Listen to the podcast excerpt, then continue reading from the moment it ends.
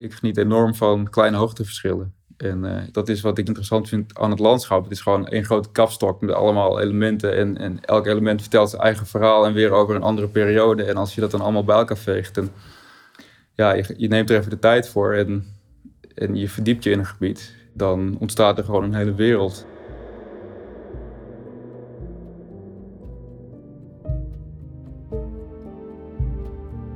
Als ik denk aan het Friese landschap uit mijn jeugd, dan herinner ik me meestal een zaterdagochtend in de herfst.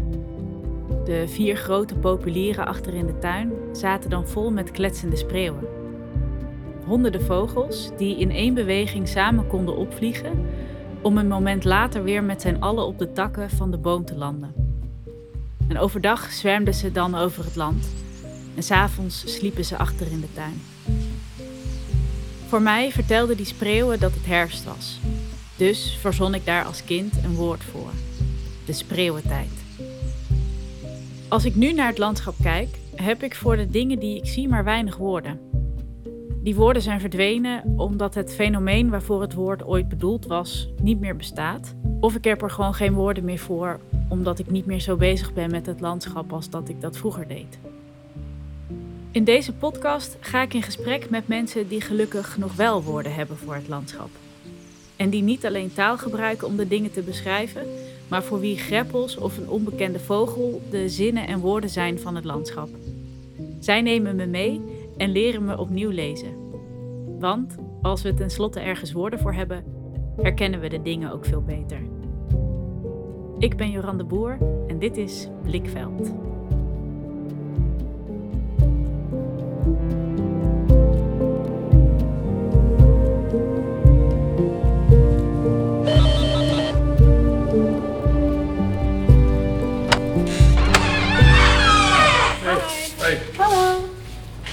Krijg je een handgegeven. Ja, dat is de VZM. Zo. Zo. Hi, ik ben Jeroen. Jeroen. Hi. Ik heb afgesproken met Jeroen Wiersma, landschapshistoricus en greppelspecialist. Ik spreek hem bij hem thuis, in een oud statig gebouw met marmeren hal en hoge plafonds in de binnenstad van Groningen. Ik eh, ben Jeroen Wiersma. Ik ben opgegroeid in Verwets en ik heb uh, geschiedenis en landschapsgeschiedenis gestudeerd. En uh, vervolgens ben ik begonnen als onderzoeker bij uh, het kenniscentrum Landschap. Dat is verbonden aan de Rijksuniversiteit Grange. En ja, vanuit dat werk ben ik nou steeds weer naar stukjes Friesland aan het herontdekken. Ik ben op het platteland opgegroeid. Dus je hebt een bepaalde feeling mee. En om die reden ben ik waarschijnlijk ook landschapsgeschiedenis gaan studeren. Om te kijken van ja, het, ergens toch wel een bepaald sentiment van vroeger. Dat toen ik klein was, dat ik dan met mijn moeder door de mieren ging fietsen. Dat waren dan de, de, de hooilanden. En voor, in mijn herinnering ja, was het altijd voorjaar. En kreeg je koek met boter en uh. En gingen we picknicken en dan hoorde je vogels en zo. En ja, ik heb dus toch, toch wel iets met, met het woord bemieren. Omdat het al zo lang in mijn hoofd zit. Oké. Stel je een grasland voor niet zo'n knalgroen vlak landschap met rechte sloten en een eindeloos uitzicht zoals we dat vandaag de dag kennen, maar een gebied waarin greppels en sloten door het landschap kronkelen, met heuvels aan weerszijden. Oud grasland noemen we dat nu. En dit landschap ontstond in de tijd dat Friesland nog niet veilig ontdijkt was. Een paar keer per jaar overspoelde de zee het land en liet diepe gleuven achter in het landschap. Mensen gingen hierdoor hoger opwonen, op zelfgebouwde terpen. En het laaggelegen gebied daartussenin noemden ze de Mieden. Ja, de betekenis van het woord gaat echt terug op nat doordrenkt eigenlijk. Uh, en dat is ook wat het was, want die, die hooilanden, die mieren, dat, die, die zijn van oorsprong gelegen in de laagste delen van, van, het, uh, van het land. En in Friesland heb je dus hogere delen waar mensen op zijn gaan wonen. De kwelderwallen, ook de oeverwallen. Daar zijn terpen op ontstaan. En daartussenin had je lagere delen, de, de depressies. En die noemden dan kwelderbekkens. En al die kwelderbekkens, vooral in de klei, dat, is, nou, dat waren allemaal hooilanden. En dat is, was ook het, het, deel van het landschap wat het langst uh, niet in cultuur is gebracht. Dus dat waren hele extensieve stukken grasland waar je eigenlijk niet zo heel veel meer mee kon dan hooi winnen. Want het was te drassig om, om koeien te laten grazen. De plek waar je dat oude grasland nog kan vinden is in de buurt van Jorwert. Jeroen werkte hier een paar jaar geleden met de beheerders van dat landschap, Jelle en Klaas, die hem destijds opnieuw leerden kijken naar dat oude grasland. Later hoor je hoe Jeroen me meeneemt naar deze graslanden. Ik ben toen heel veel met Klaas Tiemersma ook op pad geweest. En die ging me ook echt vertellen over die hooicultuur met al die woorden die erbij hoorden. En aan het begin snapte ik er niks van. had je het over um, opperje. En uh, ja, dan moest je de wurtsen. Die moest dan... Uh, dit was echt voor mij allemaal taal. Ik, ik snapte het gewoon niet. En ik wist ook niet hoe ik het op moest schrijven. Want ik kende die woorden niet. Maar op een gegeven moment toch maar doorvragen. En inmiddels heb ik het wel in mijn hoofd zitten. Maar het is gewoon een vocabulaire wat gewoon niet meer wordt gebruikt, omdat die manier van werken is verdwenen. Maar ja, het begint eigenlijk al met uh, ja, de hooioogst zelf. Dat noemen ze ook wel de ongetierd. Dat was de, de drukste tijd van het jaar. En uh, iedereen die was in het veld en die hielp met de hooioogst. En, en, en, je had niet genoeg aan je eigen personeel of je eigen familie. Er kwamen mensen uit Duitsland en uit, ja, uit Groningen, maar ook uit Duitsland. De zogenaamde Hanneke Meijers of de, de Hondje-mieren noemen ze het ook wel, of de poepen. En die deden daar het zware werk. Gewoon met de hand, gewoon uh, met de zeis gingen ze door dat uh, gras heen. Jeroen vertelt dat het s'avonds een waar lichtjespektakel moet zijn geweest in de zomer op de Mieren. De Hanneke Maaiers, die een aantal weken kwamen werken op de boerderij, zaten dan s'avonds in hun tentjes op verhoogde stukjes land en warmden hun handen aan de vuren die ze stookten. Aan het einde van de ongetiert bakte de boerin pannenkoeken en werd de oogst gevierd. Een gebruik wat zich later zou ontwikkelen tot de alombekende dorpsfeesten in de zomer. Er zijn ook allemaal wel woorden die er nog wel aan herinneren. Je had dan ook bijvoorbeeld ja, zo'n zo'n rij hooi, dat ken je dus nu ook nog wel. Dat noemde men dan een wurtse. Je hebt ook het reeksteelsfilien. Dat vond ik ook wel zo'n mooi Scrabble-woord. Misschien past het niet eens op het bord, dat weet ik niet. Nooit uitgerekend, maar...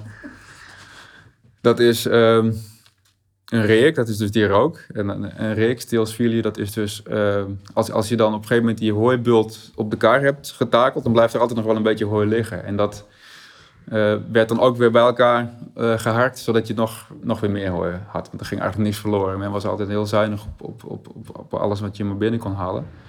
En degene die dat deed, die noemde men dan de stutjeswieler. Die was aan het einde nog even het laatste beetje bij elkaar aan het harken. Dus dat zijn van die, van die woorden ja, verbonden aan het hooiland. Maar ook, ja, daardoor krijg je ook weer meer een beeld van de mensen die dat op dat moment deden. En ja, is echt een hele verdwenen cultuur eigenlijk, die je met woorden nog wel zichtbaar kan maken. Wanneer Jeroen net in Jorwert werkt, laten Jelle en Klaas hem kennis maken met het gebied. Voor Jeroen is het alsof hij het landschap van zijn jeugd weer instapt. Dit zijn de mieren zoals hij ze van vroeger kent. Een groen grasland met allerlei verschillende soorten bloemen en planten. Insecten die om je hoofd zoomen op zoek naar eten. En bij elke stap die je zet, lijkt het wel alsof een weidevogel precies daar zijn nest heeft gemaakt. Doordat ik daar met, met twee gidsen, um, Jelle en Klaas, gewoon door het landschap liep. En die hele ervaring. En dat ik in één keer weer dacht van jeetje, volgens mij heb ik dit wel heel lang gemist ja, wat bijzonder. Dat is, dat is hier gewoon nog. En uh, het was gewoon ook mooi. Uh, heel veel verschillende soorten grassen en hoogteverschillen. En, je ziet dus ook in het najaar heel duidelijk dat relief, omdat het, het water veel hoger komt te staan. En voor die tijd zag ik ook nergens greppels. Dat is het rare, want ze waren er wel. En ik kende het woord ook wel, maar je let er gewoon niet op. Uh, dat, zijn ook hele mooie woorden voor, want je hebt, op een gegeven moment zijn die greppels aangelegd. En met de grond die vrijkwam bij het steken van die greppels. En die werd dan tussen de greppels ingeworpen. Dus die, greppels die werden elk jaar in het najaar werden die weer uh, onderhouden, leeggeschept. En de grond ertussen, die werd, uh, het hangt er vanaf waar je zit, de, stukken dicht bij de boerderij, die werden ook nog bemest. Dus er kwam een, een best wel een dikke laag van organisch materiaal te liggen. Dus die gingen echt zich aftekenen in het landschap als, als ruggetjes. En er is ook wel een mooi Fries woord voor, dat noemen ze bargerrijgjes, dus varkensruggetjes. En uh, ja, ik vond dat ik ja, een hele luxe dat ik daar mocht werken, dat dat mijn werk was. Ik, dat, zo voelde dat helemaal niet. Ik denk gewoon even een uitstapje naar uh, het platteland, wat ik eigenlijk, uh, ja, waar ik wel in opgegroeid ben. Maar ja, mijn opa was boer, maar ja, die heb ik eigenlijk niet gekend. Dus het, stond heel ver van mij af. En in één keer kom je weer in aanraking met een cultuur die eigenlijk ons eeuwenlang heeft gevormd. En eigenlijk iedereen in Friesland, denk ik. Want iedereen, als je maar lang genoeg teruggaat, dan moet je niet eens zo ver terug. Twee, drie generaties, dan kom je wel een boer tegen in je familie. En dat vond ik interessant, dat het iets, iets, iets groters was of zo. Iets collectiefs, wat dan ook wel weer nog steeds op een of andere manier onbewust in mijzelf doorwerkt. En uh, ja, dat, dat raakt dan toch iets. Ik denk, oh, hier wil ik meer van weten. En dan vind je toch weer opnieuw je plekje zo in het landschap. Ja.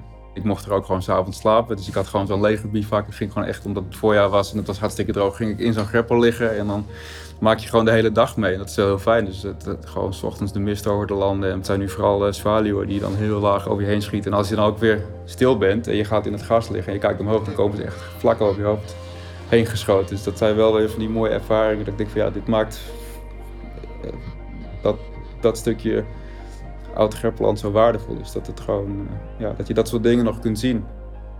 Als je maar lang genoeg stil bent, dan uh, krijg je vanzelf allemaal mooie dingen te zien. Hoef je eigenlijk helemaal niets voor te doen.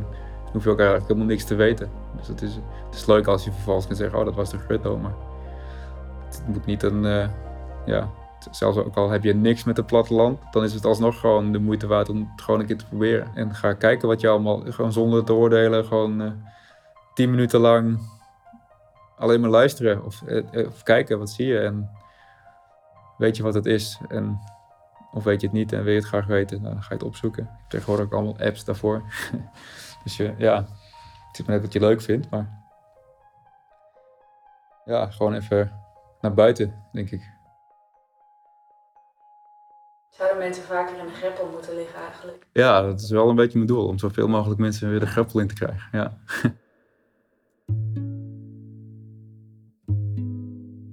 In Friesland zijn steeds minder mieren.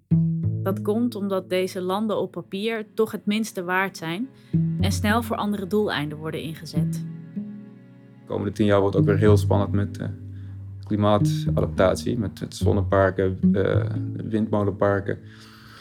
Nou ja, de gebieden die als eerste in aanmerking komen, als je niet de cultuurhistorie maar neemt, dat zijn dus die landbouwgronden die het minst waardevol zijn in de, in de boekhouding. En dat zijn toch die oude boerengraslanden. Waar ook echt uh, ja, nog een verhaal verteld kan worden aan de hand van wat je nog ziet. En mijn angst is natuurlijk dat dat allemaal verdwijnt en dat we dan in een soort van betekenisloze wereld terechtkomen waar helemaal geen ruimte meer is om te ontsnappen aan die gehaastheid. En uh, die plekken die ik nu opzoek, dat zijn ook echt momenten dat ik echt tot rust kom. Als landschap verdwijnt, blijven de woorden die er zijn voor dat landschap dan bestaan? Ik vroeg het Goffe Jensma, hoogleraar Fries en Gronings aan de Rijksuniversiteit Groningen. Het Fries is als taal uh, de taal van het platteland. Het is bewaard vanaf de, nou ja, de middeleeuwen vanaf, uh, op het platteland. En dat was een boerensamenleving. Dus het is logisch dat juist termen die met het boerenbedrijf te maken hebben, dat die heel erg sterk vertegenwoordigd zijn. Zowel in de spreekwoorden als in het idioom, als ook in de woorden zelf. Ja, eh, je legt eigenlijk de norm van de taal in het verleden. En dat heeft te maken met die taal in jouw beleving aan het verdwijnen is. Maar, en natuurlijk is die ook aan het verdwijnen.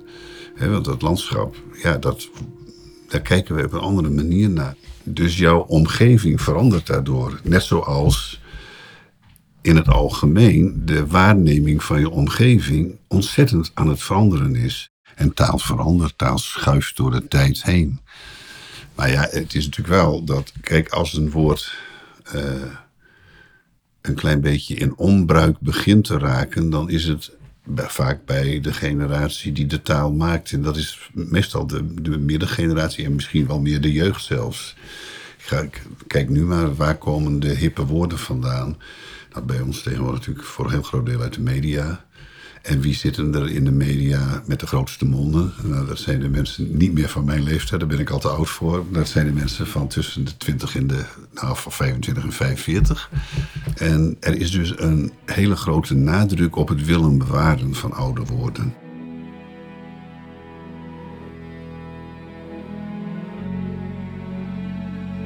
Begin oktober ga ik met Jeroen naar het gebied in Jorwert waar hij zo graag komt. Als ik aankom, staat hij met een krat vol groenten en knollen, wat hij daar van een vriend elke maand komt kopen. Hij draagt een overal, want sinds een tijdje helpt hij elke donderdag een boerin die een groot deel van de oude graslanden Kan het zijn beheert. dat er nog een overal eh, in het hokje ligt? Jawel, want ik ben vandaag namelijk begonnen op die boerderij. Eh, Eén keer in de week dat ik daar stront gaan scheppen. Echt waar? Ja, Gewoon Ja. om... eh, ja, dat is wel eh, ook gewoon om, om hier in de winter ook wat meer te kunnen zijn.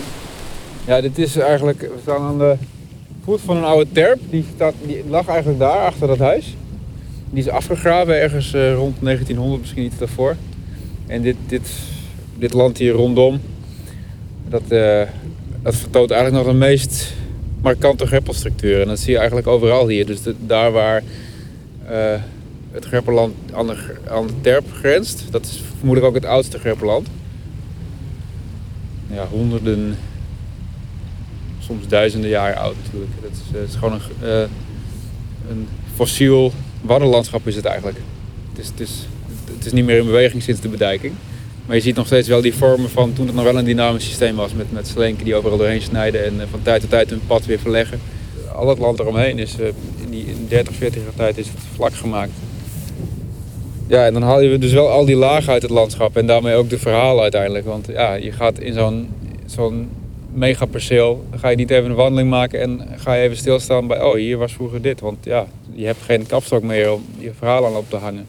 En dat heb je hier wel, gewoon een plas. Ja, weet je, dat was die terp of, of die en die greppel of die en die slenk. Of eh, daar zitten heel veel vogels of eh, dat is die plek waar vroeger misschien het vee bijeen werd gedreven. En dat heeft dan ook weer een naam, een jister. En ja, dat, dat soort elementen, dat is gewoon... Om een landschap te kunnen lezen heb je die elementen nodig. Dat zijn gewoon de, de woorden eigenlijk van je verhaal. En eh, ja, die kun je er gewoon wel helemaal eh, uit gaan gummen. Maar dan eh, heb je geen verhaal meer om te vertellen.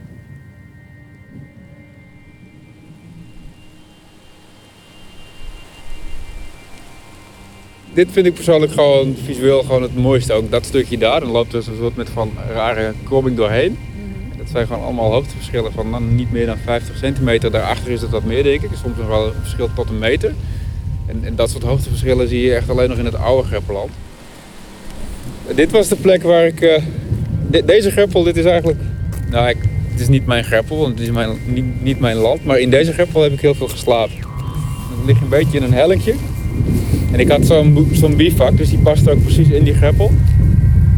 En dan ja, kon ik hier zo lekker liggen en dan werd je ochtends wakker en dan had je, had je daar de zon.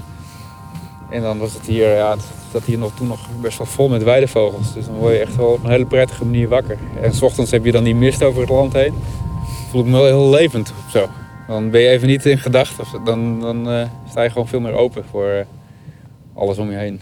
Het geluid en zo en, en het licht. En eh, ja, dan heb je echt nog veel meer zin in de dag dan normaal gesproken.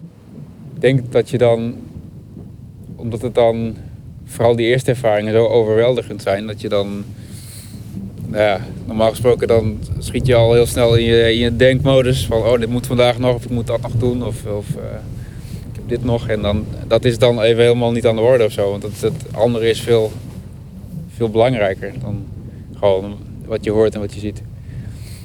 Dat geeft wel energie, denk ik. Dat je dan eh, meer open staat voor je omgeving ook. Dat je dan ook eerder een soort van verbinding kan maken met het landschap. En dat was ik voor mijn gevoel een beetje kwijt. Dat je dan eh, alleen maar let op waar het niet goed gaat.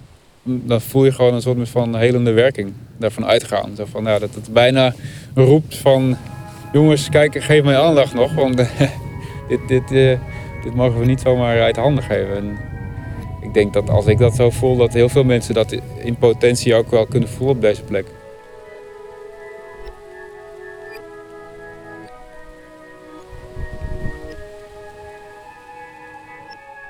Een paar dagen later ben ik aan het wandelen.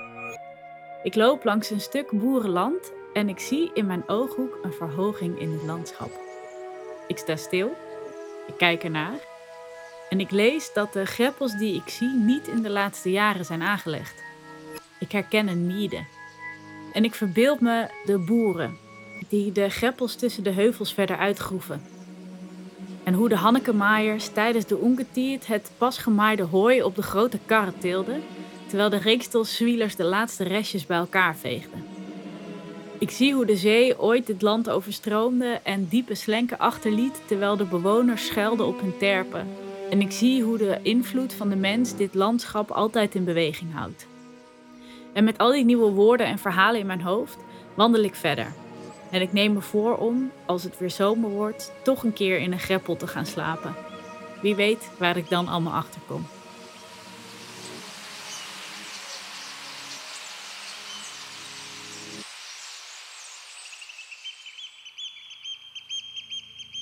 Deze podcast is gemaakt door mij, Joran de Boer, in samenwerking met Tresor en Festival Explore the North.